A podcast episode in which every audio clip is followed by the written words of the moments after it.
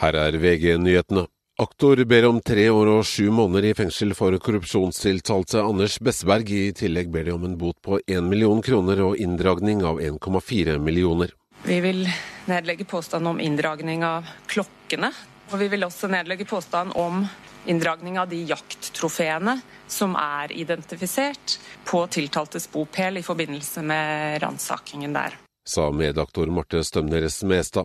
Fem nye personer er pågrepet etter knivstikkingen på strømmen i Lillestrøm kommune på tirsdag, melder Romerikes Blad. Fra før er en person pågrepet. To tenåringer ble kjørt til sykehus etter hendelsen. Og fem personer er tiltalt for drapet på moren til en høytstående gjengleder i svenske Uppsala i september. En av de tiltalte er 15 år gammel. Kvinnen i 60-årene ble skutt og drept i hjemmet sitt.